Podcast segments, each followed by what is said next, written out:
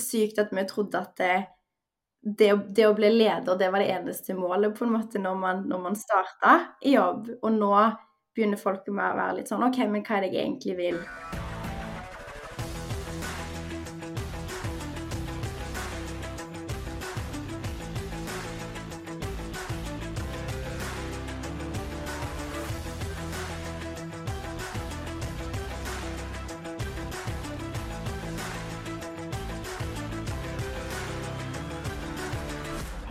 Velkommen til en ny episode i starten av min karriere. Og godt nyttår til alle lyttere.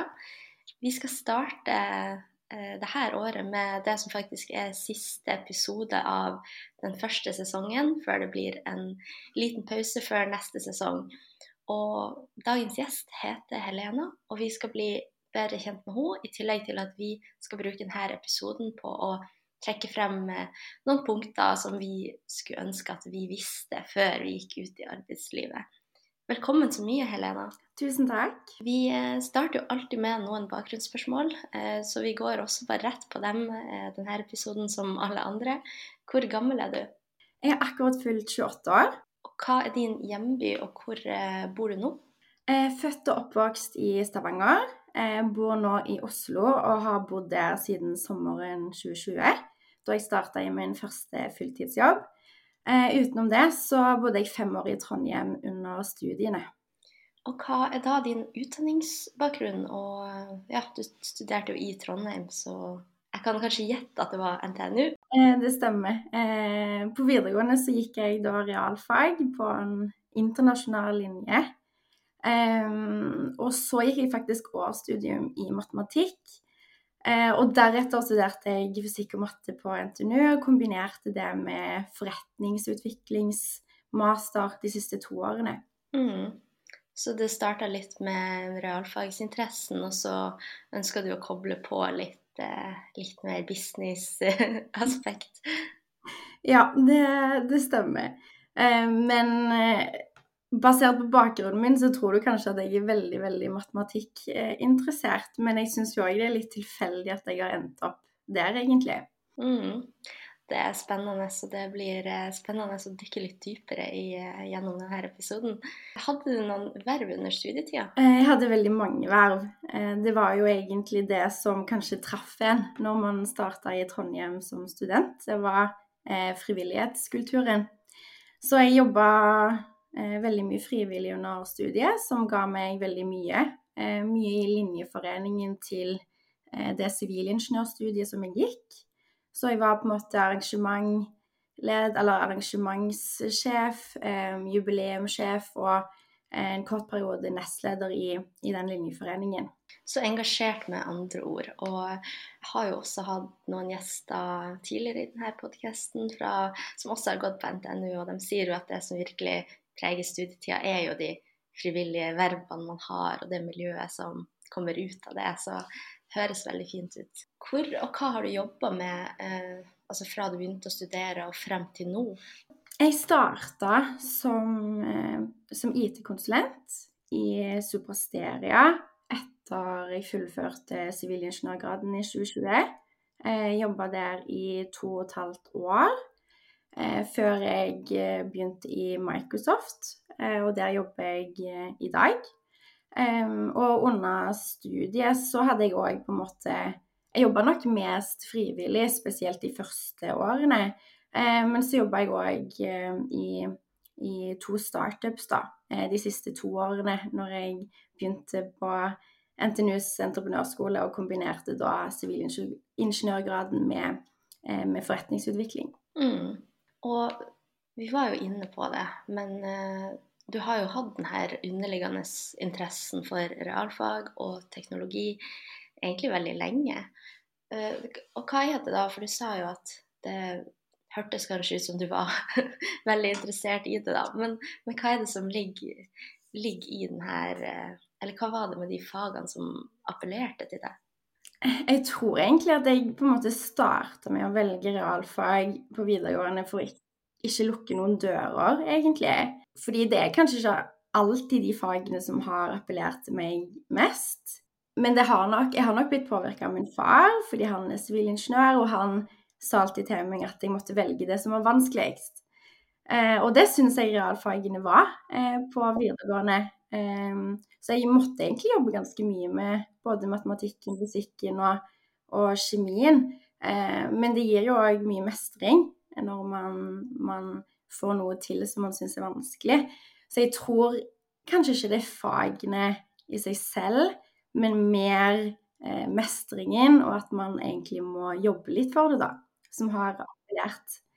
Eh, så som jeg sa, så syns jeg jo på en måte det er litt eh, Ikke tilfeldig, egentlig, men, men, jeg kunne nok gjort veldig mye annet enn realfag. Og det er derfor jeg brenner veldig for å eh, få flere innenfor fagfeltet, fordi eh, jeg tror ikke Helena tolv eh, år tenkte at hun skulle studere så mye matematikk. Mm. Og det leder oss jo videre til eh, det her med at du er blitt STEM-rollemodell for Nasjonalt senter for realfagsrekruttering, fordi du har det her engasjementet som du vil spre til flere. Og da må vi jo gå litt inn på akkurat det.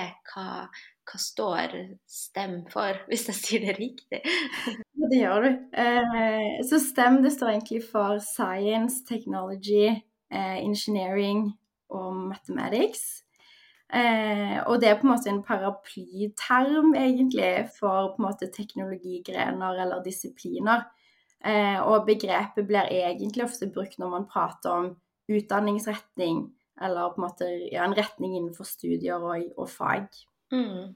Og hvorfor er det så viktig for deg å bidra med å engasjere flere jenter, da, spesielt, eh, og få dem inn, inn på det fagfeltet?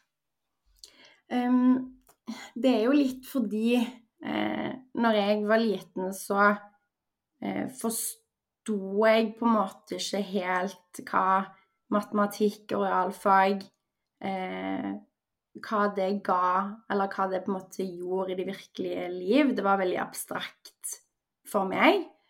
Eh, og jeg måtte på en måte selv jobbe ganske mye med realfagene. Eh, og så som jeg sa, ikke tilfeldig egentlig, men eh, det at jeg som kanskje ikke var den aller, aller beste i matematikk, fysikk og realfagene, har hatt en såpass tung realfagsutdanning eh, og karriere i etterkant, da tror jeg at flere kan gjøre det. Og at mange ikke tør å gå den retningen fordi det er vanskelig, da. Og jeg hadde nok aldri gått den retningen selv hvis ikke min far oppfordra meg til å gå det jeg syns var vanskelig. Um, og jeg syns jo òg at en teknologiretning har gitt meg veldig mye muligheter i arbeidslivet.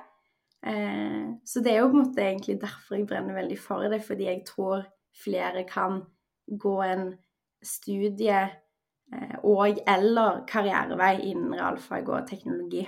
Mm.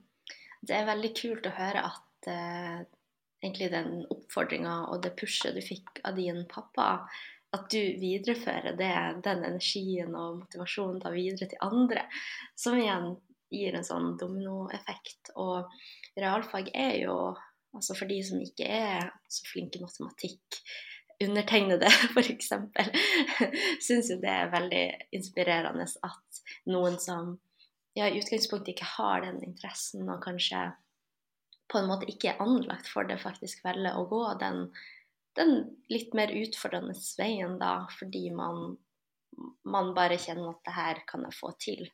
Uh, og så nevnte du at du syns jo at uh, det her med realfag og teknologi er litt abstrakt også, samtidig som det er noe jeg ser på som også veldig konkret, hvis man sammenligner det da med andre typer fag som er mer tenkende, som er tolkende av ord og og sånt, da, så, så, ser jeg for meg at realfag har på en måte to streker under et svar. Men det kan jo sikkert være rom for tolkning der også.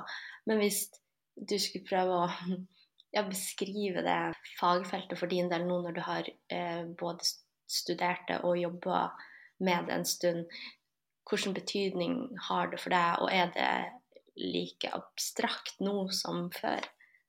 Oi, det er et uh, veldig godt, godt spørsmål. Jeg tror jo på en måte realfag er veldig ulikt, eller veldig forskjellig basert på, på måte hvilken eh, jobb du har, egentlig, eller hvilket fagfelt man, man ender opp med å, å gå. Eh, for meg så betyr realfag nesten er lik eh, muligheter. Så jeg assosierer realfag og teknologi med eh, muligheter og fleksibilitet. Eh, og grunnen til jeg gjør det, er fordi at etter bare på en måte tre og et halvt år i arbeidslivet, så har jeg på en måte allerede jobba som både utvikler og tekniker, hatt en teknisk jobb. Eh, men jeg har òg jobba mer som prosjektleder eh, på business-siden. Eh, på en måte fagleder, og nå jobber jeg jo med salg, som ikke har noe med matematikk å gjøre. Så liksom det som jeg brenner for, er at eh, teknologi og realfag det, det, handler på en måte ikke bare om matematiske ligninger, eh, fysikksimuleringer eller programmering. Det handler mer om teamarbeid, problemløsning, og jeg syns det gir deg ufattelig mange muligheter i arbeidslivet. Og det stemmer nok, og det er jo så kult hva man kan få til med teknologi, og det ser vi jo at det preger jo egentlig alt vi gjør. og ja, Så det er veldig tøft å kunne være med og faktisk bygge det, da. Ja, det er sant. Teknologi er jo, er jo framtiden. Eh, og alle bedrifter kommer jo til å bli teknologibedrifter. Eh, så jeg syns på en måte vi må inspirere da neste generasjon til å velge realfag og teknologi. Men jeg mener òg, jeg vil gjerne presisere det, for jeg mener ikke at du må studere teknologi eller realfag for å jobbe innen IT og teknologi i dag. Eh, jeg har mange på jobben som har studert økonomi eller psykologi eller noe helt annet. Og man trenger alle eh, mange ulike personligheter og ja, mennesker. Så det er veldig spennende å se eh, den mangfoldet nå innen, så, som, som, er innen IT-bransjen nå, syns jeg. Det er en veldig fin presisering. Og sånn som jeg pleier å si da, for jeg har jo gått ledelsesretninga utdanningsmessig, da og som allerede nevnt ikke spesielt god eller interessert i matematikk eh, og tall. Men jeg har jo hatt økonomifag på skolen, så jeg pleier å si at jeg har jo forståelse for tall og, og økonomi, men den regnebiten er jeg ikke så god på. Og det er jo kanskje det samme med teknologi, da, at veldig mange kan jo ha forståelsen av det og, og mulighetene og hva det gjør, selv om man ikke sitter på den der den der dyptgående kompetansen der man faktisk kan sitte og programmere og, og utvikle, da. Mm. Så fin presisering. Ja, så jeg ville bare òg si det at det, eh, det, er veldig, veldig sant. Fordi jeg gikk jo egentlig et veldig teoretisk matematikkstudie. Men jeg syns jo det ble for mye matematikk og for mye detaljer. Eh, så nå i dag jobber jeg jo med teknologi, men jobber på en måte med salg og sitter ikke og programmerer lenger, som jeg gjorde i, i starten. Eh, og det er egentlig akkurat det, da. At man kan gjøre så veldig mye forskjellig. Og ha så mange ulike typer roller i, i næringslivet. Så jeg, jeg, tror det er det jeg syns er veldig spennende, da. Og det er en veldig god egenskap, det å kunne egentlig være så fleksibel, da. For da klarer du jo både å være inne i kanskje den tekniske bobla, samtidig som du, du faktisk evner å gå ut fra den da og se mer kanskje det kommersielle, og, og, hvordan man faktisk skal prate til andre da, som de vet hva deres behov er, men de vet ikke hva løsninga er, kanskje. Og det å oversette de to fagfeltene er også en evne man, eh, man ikke skal ta for gitt. da. Det er sant. Og ja, så Basert på bakgrunnen og det du forteller, så virker det jo som at du også har et veldig stort engasjement generelt, og at du liker å ja, utfordre deg sjøl og ta fatt på utfordringer. Og du har jo som nevnt hatt en rekke verv, internships, deltidsstillinger, og du har også jobba i noen startups, bl.a. en som heter Combine, som nå heter Bruce, som jeg tror i hvert fall veldig mange kjenner til. Som er den eh, Det var vel en app eller en, en ny forretningsmodell og der man kunne kombinere um, ulike treningsabonnementer både på ja, eh, sånn, eh, styrketrening, men også klatring og svømming og, og, sånt. Altså, det var en veldig kul startup når den kom. Men du nevnte jo at din pappa eh, liker å utfordre deg og har liksom alltid sagt at vel det som er vanskeligst. Så du har kanskje fått det litt sånn inn med morsmelk, holdt jeg på å si. Men, men, det må jo være noe mer da som, som, driver deg, som, driver deg, fremover, og som gjør at du faktisk tør å ta de her utfordringene og tenke at her har du noe å bidra med. Og det tror jeg også mange kanskje kan kjenne på noen ganger, at de, de ikke tør å ta det der ekstra steget. Så hva er det for din del da som har gjort at du faktisk tør å bare gripe tak i de mulighetene som har eh, kommet din vei? Mm. Ja, det er jo et, eh, er et vanskelig, vanskelig, spørsmål. Jeg tror på en måte for min del altså grunnen til jeg har hatt de deltidsjobbene jeg har hatt, eller de jobbene jeg har fått nå i Eller de mulighetene jeg har fått i karrieren, eh, vil jeg si utelukkende begrunna nysgjerrighet, engasjement og vise interesse, da. Jeg tror nok jeg kanskje gjorde det bra generelt på NTNU, men det måtte jeg jobbe for. Det var ikke sånn at jeg ikke var mange timer på lesesalen, for å, for å si det sånn. Um, men det handla vel mer om at jeg på en måte viste interesse, tror jeg, for ulike jobber, ulike verv. Jeg turte å være åpen om det. Jeg har noen gode historier for hvordan jeg har eh, fått noen av de mulighetene som jeg har fått, som jeg kan, eh, kan dele. Eh, men jeg vil på en måte òg si at eh, jeg tror nesten alt jeg har gjort, har jeg vært ja, syns har vært veldig skummelt, da. Eh, når jeg skulle begynne i startup og hadde ikke peiling på hvordan, på hvordan det fungerte. Eh, det var ikke sånn at jeg tok lett på det. Jeg var kjempenervøs og eh, mye liksom Jeg kalle det litt prestasjonsangst for at man ikke skal levere. Um, men jeg har bare på en måte hele tiden prøvd å hoppe ut i ting, selv om jeg vet at det, det er sykt skummelt, da. Uh, så egentlig så er det sånn til og med i dag så syns jeg presentasjoner kan være skummelt. Det er veldig mange møter jeg syns er, skumle og, og verre, men jeg bare prøver å tenke at jeg må bare gjøre det for å komme videre og, og, og utvikle meg selv, da. Mm. Og det tror jeg hjelper for veldig mange å høre. det at for det, det, høres jo ut som du har gjort veldig mye, og det har du, men det har jo òg vært skummelt for din del. på en måte. Du har vært nervøs når du har gått inn i det, og det har ikke vært kanskje bare så enkelt som det høres ut som. Og det er en fin påminnelse, og det kjenner jeg meg også veldig igjen i. fordi jeg prøver jo å søke utfordringer og gå ut av den her kjente komfortsonen. Og det koster jo litt eh, å gjøre, det, gjøre, ting første gang og, og, kjenne på den nervøsiteten og, og, de forventningene som man lager seg sjøl, da, og som kanskje faktisk også er veldig reelle.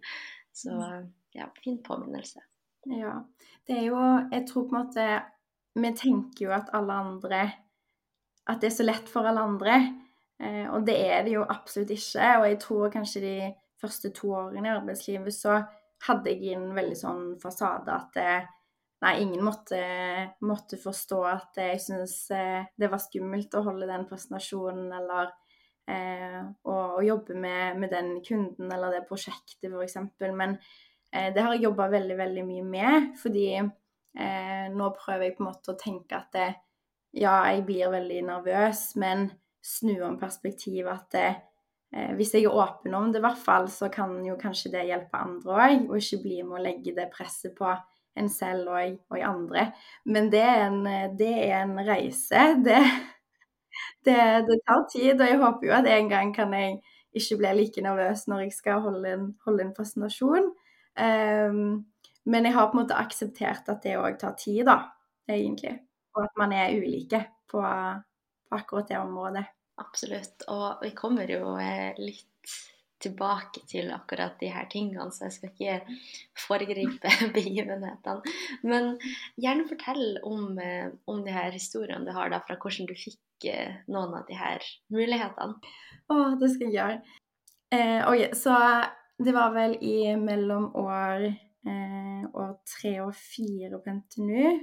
Eh, ja, når jeg gikk i tredje klasse på NTNU så fikk jeg da internship i, i Supersteria, som jeg starta å jobbe, eh, jobbe i etter, eh, etter studiet. Um, og da hadde jeg egentlig Jeg gikk jo på en måte fysikk og matematikk, sivilingeniør. Eh, vi programmerte jo en del, men vi jobba ikke så mye på en måte innen Vi hadde ikke så mye kunnskap innen IT.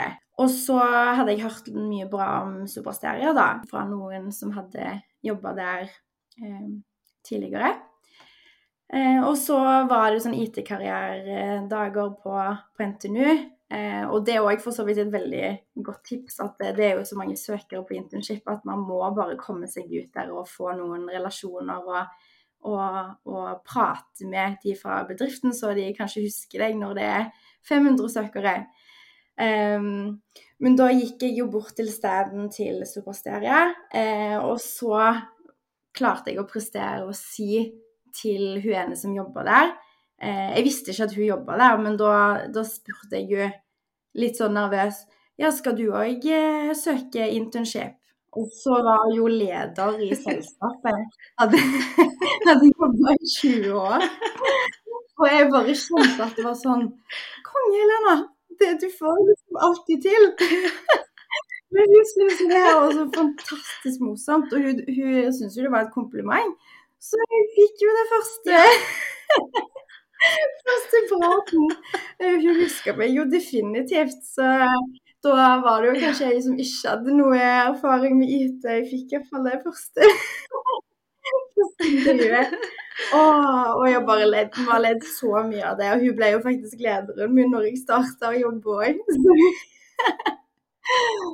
veldig gøy. Så jeg ble på en måte litt flau og litt sånn Ja, jeg prater om det sånn, er det mulig? Men hun så jo veldig ung ut, da. ja. Og det er så herlig historie, det der. For det sier så mye om hvor nervøs du ja, ja, er egentlig i den settinga at du kanskje bare klarte ikke å koble det på en måte. altså, så, ja, og så blir det bare, så ender det opp med å bli en artig historie og, og egentlig et kjempekompliment for henne. Heldigvis endte det bra. Eh. ja. Så starte med litt sånn klumsete smisking kan være ja, ja. et godt tips. Dypt uh, ufrivillig smisking kan ja.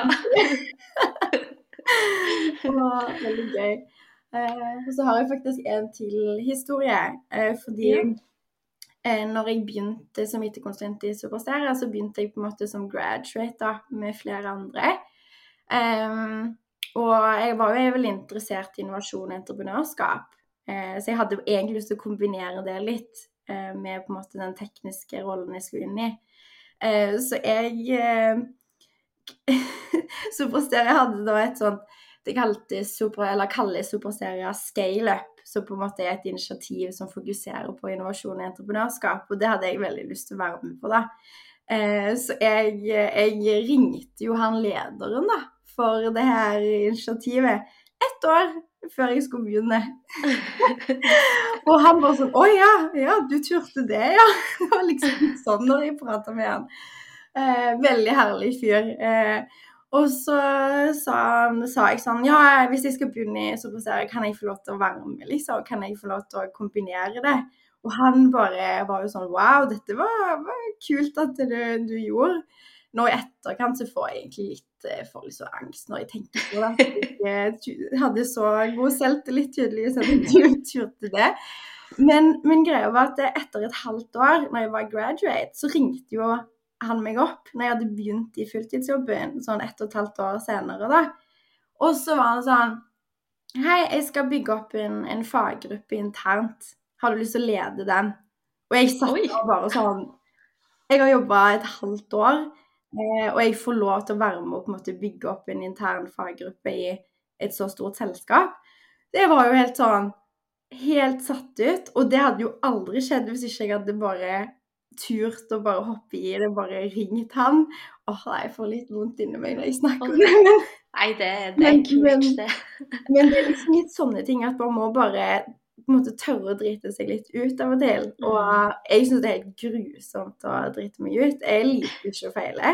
Men jeg er bare litt sånn Jeg må bare gjøre det, fordi det blir jo bare Ja, det er et bevis gang på gang at det, det fungerer. At man tør å drite seg litt ut. Og det er jo mange ganger det er ikke en sånn suksesshistorie at man kanskje ringer opp noen og bare blir avvist, på en måte. Men man må tørre litt det òg, da, på veien. Mm. Absolutt. Nei, det, det, er veldig tøft. Og det tror jeg egentlig flere skulle gjort, å bare hoppe litt ut i det og noen gang tenke at man har litt høyere selvtillit enn det man egentlig har, og, og, og være litt frempå. For det er jo som du sier, i hvert fall i Oslo og ja, de større byene, da, så er det jo mye konkurranse fra andre gode kandidater. Og hva skal man gjøre for å skille seg ut, egentlig? Da ringer du ett år i forveien. Åh, ja, noen må jo tro jeg er helt, eh, helt fjern, men eh, ja, jeg gjorde jo det. ja, men det funka jo. Ja, jeg tror nesten man må, man må bare late som man har selvtillit, jeg. Og så kommer det kanskje en gang. ja. Og det, ikke sant, det, viser jo det der initiativet igjen, og kunne jo vært en medvirkende faktor til hvorfor du fikk det ansvaret da også. At, eh, at Helena er liksom en som er litt frempå og tar de utfordringene. Og, så det kunne jo vært en sånn at det lå litt i bakhodet også fra før av. Og i tillegg til at du nok helt sikkert gjorde en god jobb det halvåret òg som gjorde at, at man torde å satse på det, da. Ja. Nei, det er jo det er på en måte Det er jo veldig sant det at man, man Det å være engasjert og vise initiativ og, og sånn Eh, men jeg tror jo Jeg tror på en måte det er et utrolig viktig element, da, fordi når jeg starta som teknisk ressurs, så var det jo definitivt eh, mange som kunne mye mer enn meg. Eh, jeg var nok sikkert en av de dårligste teknisk, fordi mange hadde jo faktisk gjort mye av det fra før av, kanskje på studiet. Men jeg måtte bare lære meg på en måte alt på ny, så jeg var nok definitivt ikke den flinkeste teknisk. Og det visste de på en måte. Eh, så klart, nå var jo dette òg et annet, helt, annet fagfelt, da, på en måte innovasjon entreprenørskap, og jeg hadde på en måte en del erfaring derifra. Eh, men jeg tror på en måte det er viktig å vise engasjement, da. Eh, og det er jo veldig mange som er utrolig flinke, og det er jo utrolig bra òg. Eh, men det engasjementet og og, og, det å vise initiativ tror jeg alltid er veldig positivt. Mm, helt klart. Og så tror jeg det handler om å, å kjenne seg sjøl litt og sine interesser og mål, og prøve å dyrke det frem, da. Og, og gjøre noen ting som tar deg nærmere det målet, da. Eh, for det er jo ikke alle som ønsker de typer roller. Noen ønsker jo å ja, sitte og programmere og på en måte være i den bobla, mens andre vil gjøre noe annet, da. Så det, ja, handler like mye om å bare se sitt eget potensial og, og, så ha trua på at man kan ta det ut, da. Ja, det er så sykt godt poeng, faktisk, det du sier der, Rina, Fordi um, jeg tror Jeg ser iallfall veldig nå i næringslivet, så det er akkurat som om alle nyutdanna, inkludert meg selv, tror at det å bli leder, da, er målet da er man suksessfull. Um, og det tror jeg bare er en liksom illusjon, eller det er noe som jeg, jeg, vet ikke om det er på en måte mediene eller eh, hva som gjør at vi på en måte tror at det, det er målet. Eh, så klart det er jo et godt stempel og en utrolig spennende rolle, men det er ikke alle som bør være ledere. Og det jo ikke, bør jo ikke være et mål for, for alle. Det er jo eh, hvis man er ekstremt interessert i å programmere og bli en fagekspert, så er det jo det man burde bli, og ikke på en måte bare alltid følge strømmen, da. Eh, så det er faktisk noe vi prater en del om nå, vi som har jobba et, et, par år, og være litt sånn Oi, sykt at vi trodde at det, det, det, å bli leder, det var det eneste målet på en måte når man, når man starta i jobb. Og nå begynner folk med å være litt sånn OK, men hva er det jeg egentlig vil? Hva er styrkene mine? Hva er svakhetene mine? Eh, ja, og begynne å reflektere litt rundt det, da. Mm. Ja, og det, det har noe mye med at når man ikke har vært i arbeidslivet, så har man jo kun et bilde av det, og man lager seg en sånn fantasi og, og egentlig feste sine mål til sånne holdepunkter som man kanskje har sett gjennom media, eller TV-serier for den saks skyld, mm. og, og, egentlig lage drømmen sin ut fra det, da. Og så merka jeg òg med en gang jeg starta bare å studere, så endra interessene mine seg. Fordi at jeg ble eksponert for helt nye ting som jeg ikke visste fantes, nesten, eller var en ting. Og så kommer man ut i arbeidslivet og, og blir enda mer kjent med sine styrker og svakheter, og hvordan man ja, jobber best, hva man får glede av, og innser òg at man har ikke så dårlig tid heller. Det er et langt arbeidsliv, og man kan lære seg så ufattelig mye da også. Um, og så er det jo i tillegg den her at man burde nok ta en liten sånn prat med seg sjøl iblant og finne ut med hva er det egentlig som eh, er min motivasjon eh, og indre drive, som ikke styres av de forventningene som kommer fra samfunnet, da. For det tror jeg er lett å blande også. At man klarer ikke alltid å skille på hva er mine drømmer, og hva er samfunnet sine drømmer, eller ja, samfunnet sitt ideal da, på vellykka karriere. Så det, det, er noe å tenke på, i hvert fall for, for, mange, og egentlig gjennom hele arbeidslivet, vil jeg også tro, hvis man eh, I hvert fall hvis man ønsker å utvikle seg. Men som sagt, det er heller ikke et mål alltid. Det, det kan være like greit å ha den jobben, og så, og så får du et stabilt liv med plass til mye annet på fritida også. Så ja, mange muligheter. Ja, det er veldig, veldig sant. Vi kommer jo litt inn på disse tingene òg eh, etter hvert nå i, i, episoden. Men jeg merker jo òg det selv at det, eh, både interesser og eh, refleksjoner rundt karriere, det, det har endra seg i løpet av de tre og et halvt årene i, i arbeidslivet. Og vi må jo snakke litt da om eh, ja, den arbeidserfaringa du har fått da eh, de siste årene, og etter studiet så flytta du da fra Trondheim til Oslo og, og starta som sagt din karriere i Soprasteria, som vi allerede har eh, snakka litt om. Men hva er Soprasteria? Soprasteria har nok blitt litt mer kjent kanskje de siste årene. Eh, men jeg visste ikke hva Soprasteria var før kanskje ja, jeg traff dem på stand på, på NTNU. Um, men de har hatt ganske stor vekst nå de siste årene innenfor IT. da. Men de er da et av, et av Norges største IT-konsulenthus, uh, og driver på en måte med alt, av, alt innenfor IT. En NE-leverandør innenfor IT, og gjør alt fra IT-rådgivning, eh, skytjenester, design, cybersecurity. Um, alt mulig innenfor IT-området, da, og digitalisering. Ja, og de har jo etter hvert etablert seg i Tromsø også. Så eh, de vokser nok og blir mer, mer og mer kjent. Og det hørtes ut som det var litt uh, tilfeldig at du bompa borti hun unge lederen. um, og at det derfor ble så presteria. Var det helt tilfeldig, eller hadde du gjort deg noen refleksjoner om hvor du ville starte karrieren din, og hva som var viktig for deg når du valgte arbeidsgiver? Ja, det, er et veldig godt spørsmål. Um, nå var jeg jo Jeg hadde jo internship i Supersteria egentlig to år på rad.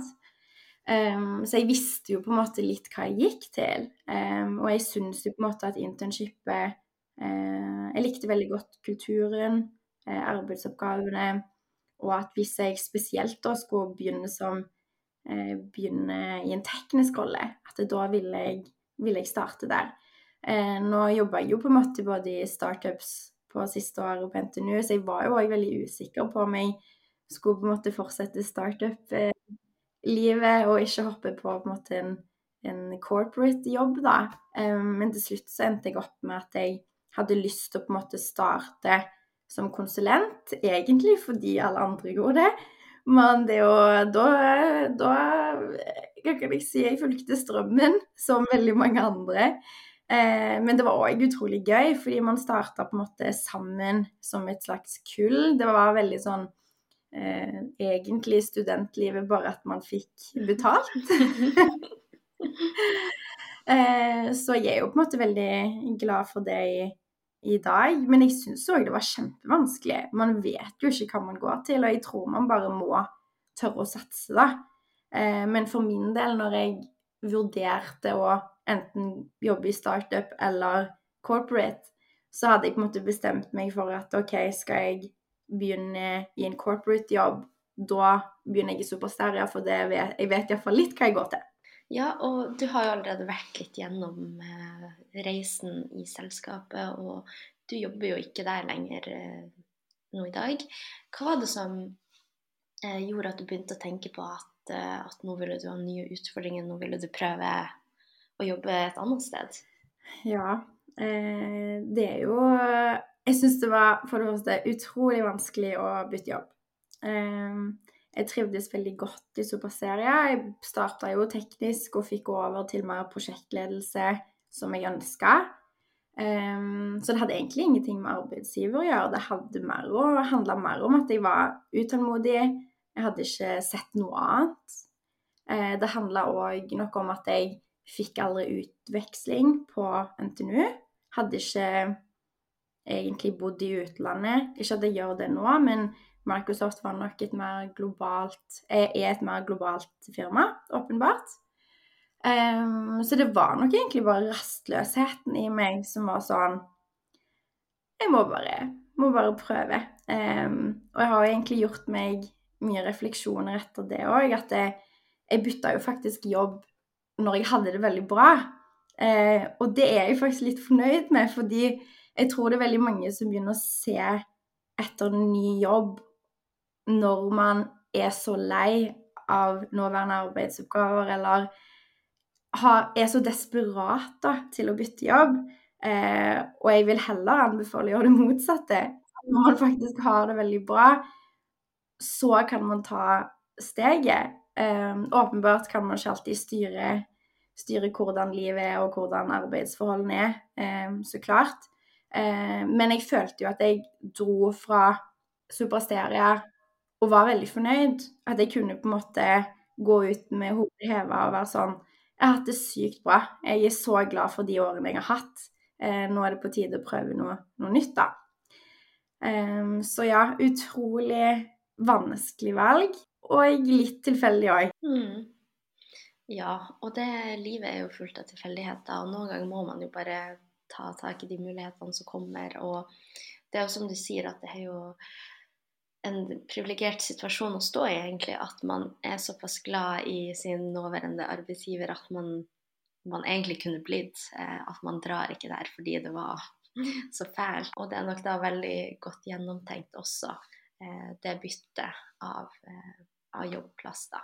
Fordi det er motivert av noe annet enn at man bare må bort. Det, det er veldig sant. Og jeg tror jo på en måte Nå har jeg jo prøvd jeg føler meg ikke like rastløs nå, fordi nå har jeg på en måte prøvd to ulike ting. At man har Ville nok ha liksom en referanse til, da, kanskje. Man blir liksom Jeg var nok jeg var altfor utålmodig de første to årene. Det kan vi jo prate litt mer om, men det var et veldig sånn jag, på en måte. Jeg var veldig usikker på hva jeg ville gjøre, så det var nok òg preg av det. At jeg bare var litt sånn Jeg må bare, må bare se noe annet. Jeg må se et annet liv. ja ja, det med alle mulighetene man har, så er det vanskelig å ikke unngå å, å bli rastløs og uh, få litt uh, ja, fomo fra alle kanter, egentlig. Men Microsoft er jo noe Jeg vil tippe at alle har hørt om Microsoft. Men hva er egentlig Microsoft eh, som en arbeidsplass, da, for det? Det er jo et stort globalt amerikansk selskap. Det vet jo nok alle.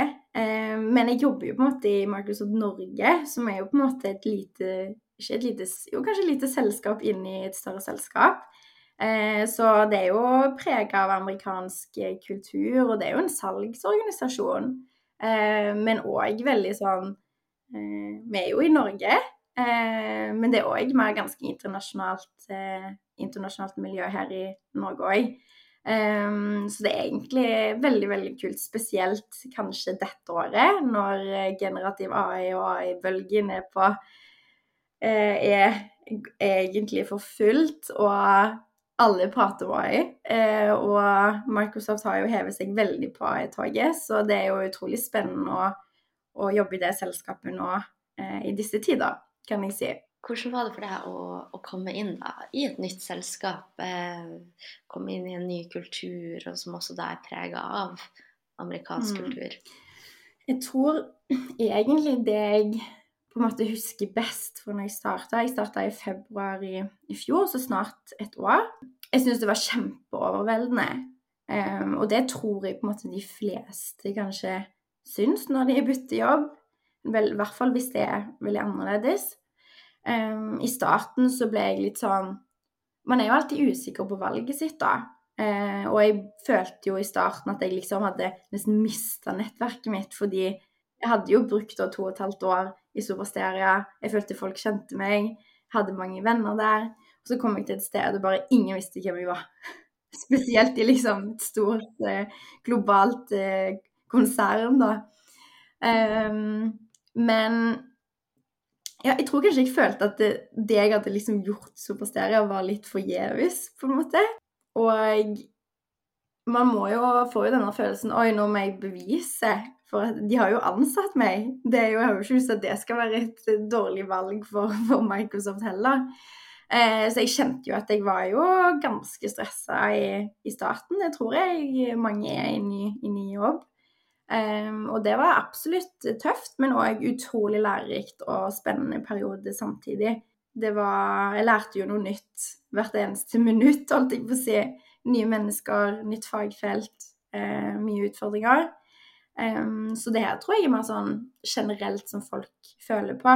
Um, men jeg tror òg at jeg etter hvert klarte å akseptere at det er mye, og at det tar tid. Og det er OK at jeg ikke er ekspert på dag én. Det forventes ikke heller.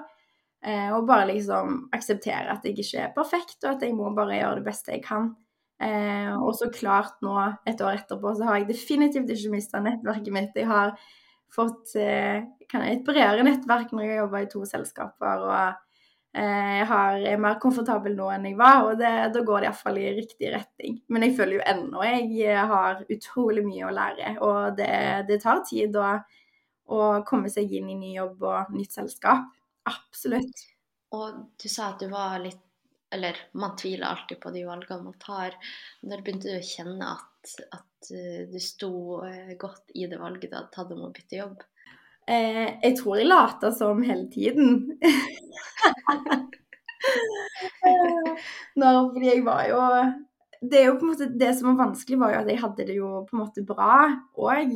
Og så da i oppsigelsestiden så jobba jeg veldig mye superstere, for jeg var sånn Jeg skal i hvert fall ikke gjøre en dårlig jobb før, jeg, før jeg er ferdig.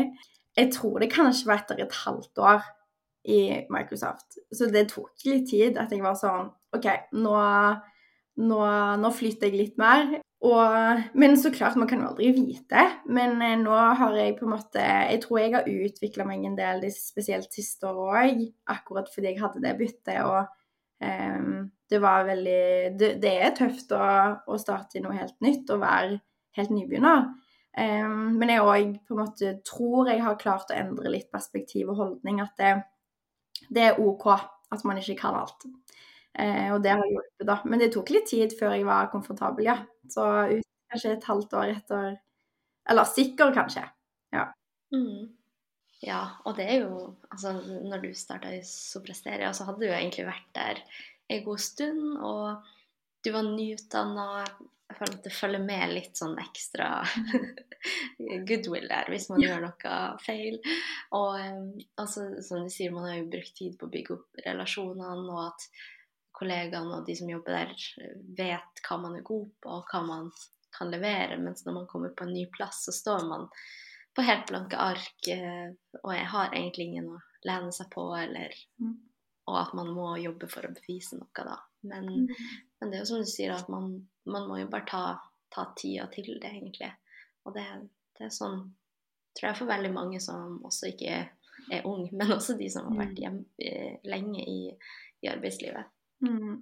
Det, er et, eh, det, er et, veldig, veldig eh, godt poeng, det. Og jeg tror det er det jeg òg har forstått nå, at man er ny selv om man har jobba Eller man kan være ny selv om man har jobba ti år i arbeidslivet og har erfaring. Um, fordi folk bytter jo karriere og bytter fagfelt og bytter jobb. Og ja, vi kommer nok inn på det litt seinere, men det at man, man har alltid lov til å stille spørsmål. Selv om man er 25 eller om man er 50, og har, om man har jobba i to år eller jobba i, i 30. Og det må man faktisk bare huske på. At man eh, Hvis ikke man Hvis man kan alt eh, Eller ingen kan alt. Uansett. Punktum. Eh, og sånn som teknologien og samfunnet utvikler seg nå, så tror jeg vi alle er nye på veldig mange fagfelt etter hvert. Så ja. Absolutt. Vi skal snart bevege oss videre til neste del med, med noen læringspunkter. Men, men, før vi går over på det, så vil jeg bare spørre deg om hvordan ser dine mål ut og ambisjoner for uh, din fremtidige karriere, da? Oi. Eh, for det første så tror jeg eh, Helena nyutdanna hadde svart annerledes enn Helena jobba tre og et halvt år i arbeidslivet. Um, jeg har ikke peiling, faktisk. Um, jeg skulle sånn ønske at jeg bare hadde liksom en retning, eller et slags på en måte En plan, da, over hva jeg skal. Um, og den planen jaga jeg veldig mye etter de første to årene. Hvis du spør hun unge lederen i, i Supersteria, så tror jeg kanskje hun hadde en prat med meg minst én gang i måneden der jeg følte jeg hadde eksistensiell krise og måtte finne ut av hva jeg skulle bli når jeg ble stor. Um, og jeg tror liksom jeg alltid har tenkt, når jeg var på NTNU, når jeg starta der, så tenkte jeg OK, men innen jeg er ferdig, da vet jeg hva jeg skal bli. Starta jeg Superstera, så tenkte jeg innen to år, da vet jeg hva jeg skal bli. Men jeg vet fortsatt ikke hva jeg skal gjøre. Men eh, jeg har fått noen gode råd egentlig der, og det handler om at eh, jeg tror òg hvis man ikke er på en måte superinteressert i et fagfelt, og ikke vet at det her er liksom drømmen å jobbe Eller det er drømmen å jobbe innenfor uh, sikkerhet, f.eks., så tror jeg òg det er viktig å ikke være for rigid, da. At uh, man kanskje har en plan OK, jeg tror jeg kanskje skal sikte det mot den lederjobben eller den type rollen om to år, men at man er åpen for andre ting. Og jeg tror hvis man er for rigid, så vil man går glipp av mange muligheter som man aldri kommer til å forutse eh, oppstår. Og, så det er egentlig mitt svar på det, at jeg er litt mer komfortabel med å si at jeg har ikke peiling. og jeg lurer på hva jeg kommer til å svare om, eh, om eh, to år fra nå. Det blir veldig spennende å finne ut av. Og det, det, er veldig godt råd du fikk den gangen da. Og jeg har egentlig også sagt til meg sjøl at jeg slutta å på en måte legge en plan for hva jeg skal gjøre, fordi det kan endre seg veldig fort. Og man kommer inn på nye arbeidsområder og fagområder hele tida. Så det å være litt åpen for, for uh, hva som skal skje, kan jo hjelpe en sjøl i å egentlig bare ta de stegene videre. Og og det betyr jo ikke at man ikke trenger å ha ambisjoner. Man kan jo like så godt si at man ønsker en lederstilling i fremtida, men, men, akkurat innenfor hva trenger man jo ikke å definere. Så man kan jo ha litt sånne større kategorier på hva man ønsker å oppnå, uten at det trenger å være rigid. Mm. Det er veldig sant. Jeg tror det er på en måte en god øvelse å være sånn Hva er det jeg vil bli bedre på? Hvilke kategorier ønsker jeg å utvikle meg på? Eh, og fokusere på en på, på, det, da. Men jeg tror alltid det er en god øvelse å tenke hva er de neste stegene for, eh, for meg og min karriere, sånn at man føler at man har en utvikling og går i riktig retning, men at man er òg åpen for andre ting, da.